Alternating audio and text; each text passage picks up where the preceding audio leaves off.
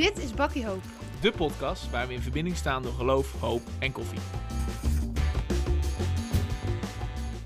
Welkom bij de twaalfde aflevering van Bakkie Hoop. Leuk dat jullie er weer bij zijn, dat jullie kijken of luisteren. We hebben vandaag een speciale aflevering met een eh, special guest. Jij gaat straks in gesprek met dominee Bart. Dominee Mhm. Bart woont weer in Barneveld. Heeft zeven jaar hier gestaan. Is nu predikant in Woensdrecht voor de luchtmacht. Mhm. En hij heeft ook een boekje geschreven over... Klopt. Ja, God gebruikt geweld. Dus eigenlijk allemaal moeilijker. Er staat ook bij uitleg bij donkere bijbelteksten. Dus dat is best wel... eh, ja, sommige stukken waren best wel pittig. Ja. Maar wel ontzettend interessant. Dus daar gaan we ook met hem in gesprek. En onder andere ook over het leger. Dus eh, Ja, ik zou zeggen, laten we er snel naartoe gaan. ja, zeker. Gaan we Dus- doen. We gaan een goede teug nemen. Yes. Een goede teug. We zijn aangekomen bij het tweede onderdeel, een goede teug. Het onderdeel waar we wat dieper ingaan eh, op het onderwerp. Bij mij is aangeschoven dominee Martijn Bart. Fijn dat u er bent. Dankjewel. En eh, nou, ik denk dat de meeste kijkers en luisteraars eh, u wel kennen, maar zou u u kort kunnen voorstellen? Ja, ik, ben- ik ben do- dominee Martijn Bart. Ik, heb, ik ben zeven jaar dominee geweest in Hervorm Barneveld, wijk 3, eh Norschoten. Ehm, altijd erg naar mijn zin gehad. Maar eh, de laatste vier jaar ben ik eh, bij de luchtmacht eh, dominee geworden. En dat is ook een hele bijzondere be- belevenis. Om, Wel echt heel wat anders. hè? Ja, Ja, precies. En ik ben nog een tijdje, een jaartje ook weg geweest uit Barneveld. Ik ben een jaartje in Schoonhoven gewoond. Hm. Maar ehm, nou ja, we zijn op een gegeven moment, misten we Barneveld zo erg dat, dat we weer teruggekomen zijn. Mhm. En ik woon nu in Veller, dus niet meer in Norschoten, maar in, in een andere wijk. Hm. En dat was toevallig, dat was daar een huis te koop, wat ons erg eh, aanstond. nou mooi dat u weer terug bent eh, in ieder geval. dankjewel. Maar hoe was voor die overgang eigenlijk? Want het is natuurlijk een heel ander soort van uh, hervormd Barneveld over eh, ja, naar de luchtmacht eigenlijk. Ja, nee, dat, dat was echt een grote overgang. Ik, eh, ik heb mezelf opnieuw uit, uit moeten vinden. Ik ben wel, welke, daar ben ik wel een jaar mee bezig geweest, denk ik. En in het eerste jaar heb ik heel vaak gedacht, eh, waar ben ik aan begonnen? En Mhm. eh, waar, waarom ben ik niet gewoon eh dominee gebleven in de kerk? En eh, het, het was allemaal zo fijn. En catechisatie en bijbelkring. Mhm. ik, ik vond het ook, ook altijd heel erg leuk om te doen. Dus ik miste dat heel erg. Ehm ten meer ook eh, eh, eh, eh, bij Defensie, bij de luchtmacht. Ehm, ja, he- heel veel dingen. Je moet als dominee echt je eigen werk maken, zeg maar. Hè. Er, er zijn geen standaard kerkdiensten, er zijn geen Mhm. standaard bijbelkringen waar je gewoon je dominees dingetje doet. Dus je moet het echt zelf eh, organiseren. Dus dat he- heeft me wel een tijdje gekost om, dat, eh, om daar mijn draai in te vinden. Mhm. Maar na een jaartje eh, begon dat wel te komen. En eh, nee, ik, ik ben nu als een vis in het water. Mooi, Ja. mooi. En u zegt dat het anders is natuurlijk eh, dan hier in de- bij de normale gemeente. Hoe ziet zo'n week er eigenlijk uit? Ben ik wel benieuwd. Ja, nou, dat is heel grappig. Ik, ik weet het van tevoren ook nooit hoe het Oké. eruit ziet. Oké. Bij- bij- bijna nooit. Mhm. Het is gewoon, wat ik heel veel doe is nulde lijnswerk, heet Mhm. dat. En dat betekent dat ik al- als dominee zijnde over dat vliegveld, ik werk op vliegveld Woensdrecht. Mhm. En ik loop daar gewoon de hele dag, nou niet de hele dag, maar als ik zin heb, eh, ga, ga gewoon bij diverse afdelingen ga ik langs. Ga ik gewoon eh, eh, en op bezoek, even koffie drinken. En van joh, hoe is het, hoe gaat het hier en wat doen jullie eigenlijk? Nou, en militairen vinden het altijd heel leuk om te vertellen wat ze doen. Dus ze gaan het dan helemaal uitleggen. Maar op de een of andere manier, als je als dominee binnenkomt, roept het ook altijd...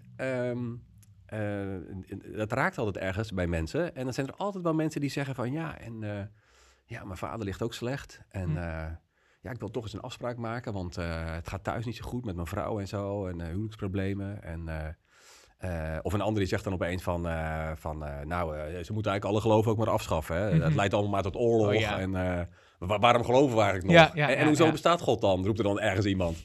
Dus, dus het leidt altijd tot hele leuke gesprekken. Hoe mooi is dat, ja. En, en ook vaak tot afspraken. Dus nou, dan maak ik weer wat afspraken voor de volgende dag. Mhm. En dan komen die mensen die ik dan zo gaandeweg ontmoet, die komen dan weer bij mij langs om er wat dieper over door te spreken. Eh, en dan, eh, ja, dan in, eerste instantie was ik heel terughoudend met eh, ook zo'n gesprek af te sluiten met een gebed. Omdat Mhm. het vaak ook seculiere mensen zijn. Ja. Ik, ik wil ze niks opdringen of zo. Maar ik ben van lieverlee, eh, ben ik steeds meer gaan zien van, van dat, maakt eigenlijk helemaal niet uit. Ook seculiere mensen die bij mij komen vinden het wel fijn ten diepste. eh, als ik voor ze bid. Eh, ook al geloven ze zelf misschien niet, of een klein beetje, of eh, v- vinden het toch wel fijn. Hm. Ik moet aan een jongen denken die eh, een doodgeboren kindje had gekregen met zijn eh, vrouw. En eh, nou, die, die kwam echt uithuilen, eh, eh, eh, letterlijk eigenlijk. Ehm, en, en toen na afloop, toen hing er echt zo'n sfeer van, eh, van joh, ehm, vind je het goed als we bidden om, voor jullie dat er misschien nog eens een, een nieuwe zwangerschap eh, zal komen. Nou, dat, dat, en dat er ook een gezond kindje geboren zal worden. Eh, nou, heel graag, zegt hij. Ja? Terwijl hij helemaal nergens in gelooft. Hè? Zo, Dat, had hij van tevoren ook gezegd. Mhm. Maar dat is toch bijzonder? Ja, heel bijzonder. Ja, nou ja, ik wil nu niet zeggen dat het, dat- het is daarna nog heel dramatisch geworden met de jongen. Maar, eh, maar, maar, maar dat soort situaties maak je wel, eh, maak je wel Mhm. mee. Dat is wel bijzonder. Maar dus je hebt met alle mensen daar eigenlijk te maken. Seculier Ja. en christelijk. Zijn ook mensen die Ja, zeggen van... ik denk 10%, 15% is eh kerkelijk meelevend. Ik heb er ook een eh, bijbelkring. Eh, bijbelkring, gebedskring. Elke week komen een aantal, een stuk of tien mensen komen daarop af. Mhm. in de pauze, even een uurtje. En wat ik ook veel doe is ehm, eh, kerkdiensten bij oefeningen. In Woensrecht is ook een school, Mhm. een luchtmachtschool. Dus, dus mensen van, van 18 die eh, eh, bij de luchtmacht willen komen werken, die militair willen worden, die moeten eerst een opleiding Mhm. volgen. En die moeten dan heel vaak het bos in eh, voor bivakken. En dat is vaak in het weekend.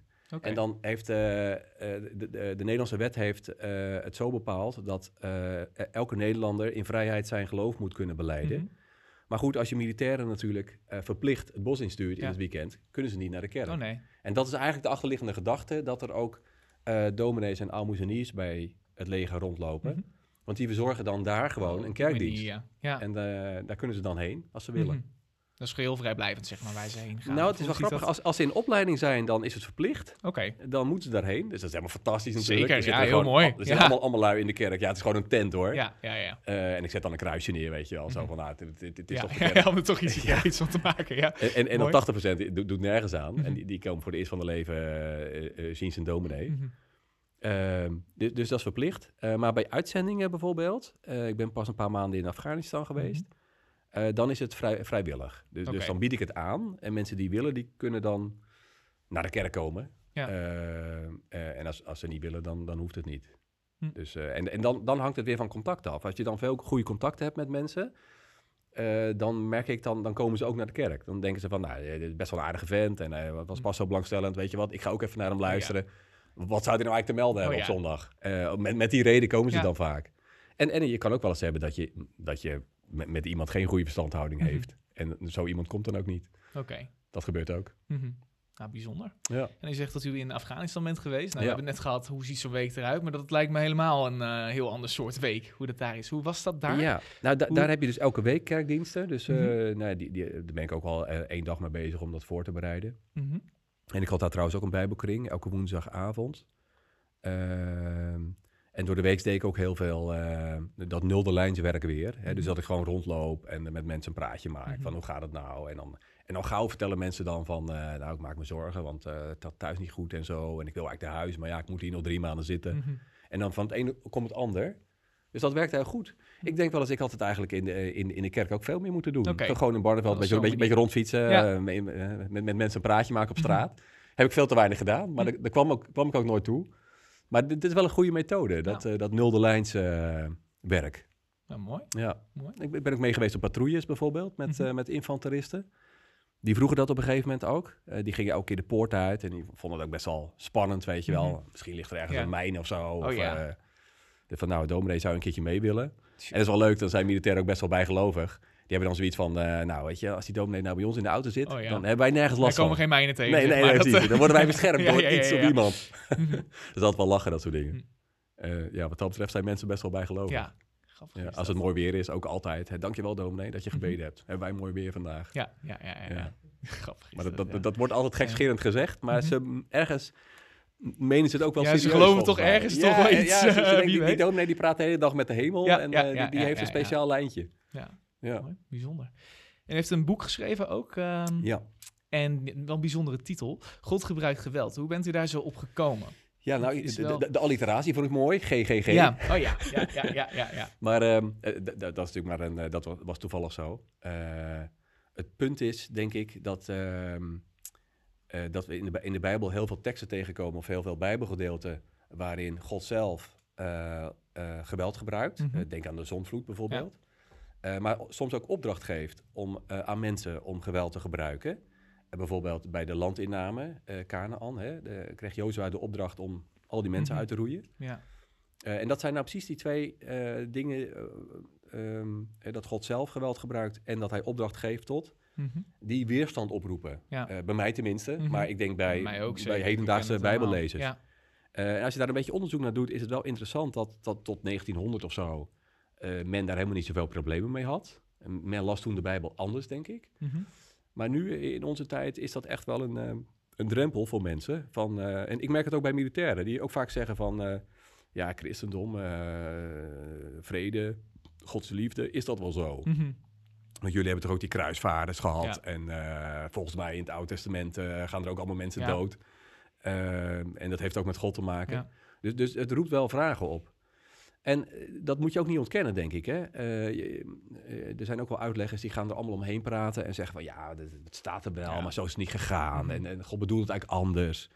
Ja, dan denk ik ja, dat, dan haal je volgens mij ehm, de, de, de, de angel uit, uit, Ja. uit de Bijbel. Het, het staat er gewoon, daar Ja. ga ik dan maar vanuit. Mhm. God gebruikt geweld, hè? Soms. Ehm, en ja, dat is de titel geworden. Ja. En dat triggert ook wel, denk ik. Ja, heel interessant. Ik, Ja. eh, ik heb het boekje gelezen. Ik vond het interessant om nou, de punten die je aansnijdt en ook alle eh, verschillende zienswijzen eigenlijk op die verschillende Ja. stu- stukken die in de Bijbel staan. En we hebben het ook gevraagd aan onze volgers op Instagram Oh, ja. wat zij ervan vonden. Hm. Wat zij eigenlijk vinden van die moeilijke stukken uit de Bijbel. Oh ja. En eigenlijk 70% geeft daarbij aan dat het moeilijk is om dat eigenlijk te begrijpen. Dat het lastig is om te lezen. Hm. En eh, nou, we hebben nu natuurlijk Bakkie Hoop. En eh, daarin bespreken we hoopvolle dingen. Nou, en dan is zo'n onderwerp natuurlijk God gebruikt geweld. Lijkt er haaks op in te staan. Bijna Ja. bakkie treun is eigenlijk, Ja. als, als we het zo eh, bekijken. ja. Maar ehm, ik ben eigenlijk wel benieuwd, want ik heb het boek gelezen en ik zag toch een hoop stukken waar ik eerst had, wat inderdaad een beetje weerstand bij mij opriep. Dat Ik Hm. dacht, ja, poeh, moeilijk stuk. En dit, dit lijkt zo anders, een God van liefde. Hoe kan dit dan gebeuren? En een stukje eigenlijk uit de Bijbel die daar, eh, nou, die bij mij eigenlijk naar boven kwam en waar ik ook mooi eigenlijk die hoop in terug zag, was een stukje over Uzza. Ja. Die ik graag even lezen. En dan ben ik benieuwd of u daarin ehm, eigenlijk die hoop naar boven kunt eh, krijgen. Ja. Dus, even het stukje op.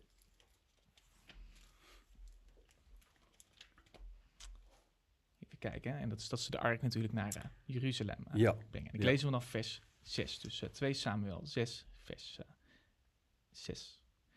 En zij haalden de wagen uit, uit het huis van Abinadab, dat op de heuvel lag, met de ark van God. En Ahio liep voor de ark uit. David en het hele huis van Israël huppelden voor het aangezicht van de heren, met allerlei muziekinstrumenten en cipressenhout, met harpen en luiten, met tamboerijnen, met rinkelbellen en met cymbalen. Maar toen zij bij de dorsvloer van Nachon kwamen, strekte Uzza zijn hand uit naar de ark van God en greep die, omdat de runderen, runderen struikelden. Toen ontbrandde de toorn van de Heere tegen Uzza. En God strafte hem daarom om deze onbedachtzaamheid. En hij stierf daar bij de ark van God. En altijd, en ik weet nog als kind, als ik dit verhaal hoorde, dan dacht ik, ja, maar hij helpt toch gewoon. Ja, hij probeert toch iets goeds Ja, te doen. hij probeert nog die ark tegen te houden. Ja. ja, ja. ja. Waarom gebeurt dit? En hoe kunnen we hier dan toch die hoop inzien? ja. Hoe, Nou ja, het volgende vers staat volgens mij ook dat, dat David ook heel boos is Ja, op God. Hè? ja. En dat vind ik dan weer zo mooi van de Bijbel. Dat, de, de, de sta- de- de- David wordt niet als een heilig boontje weer, weer gegeven.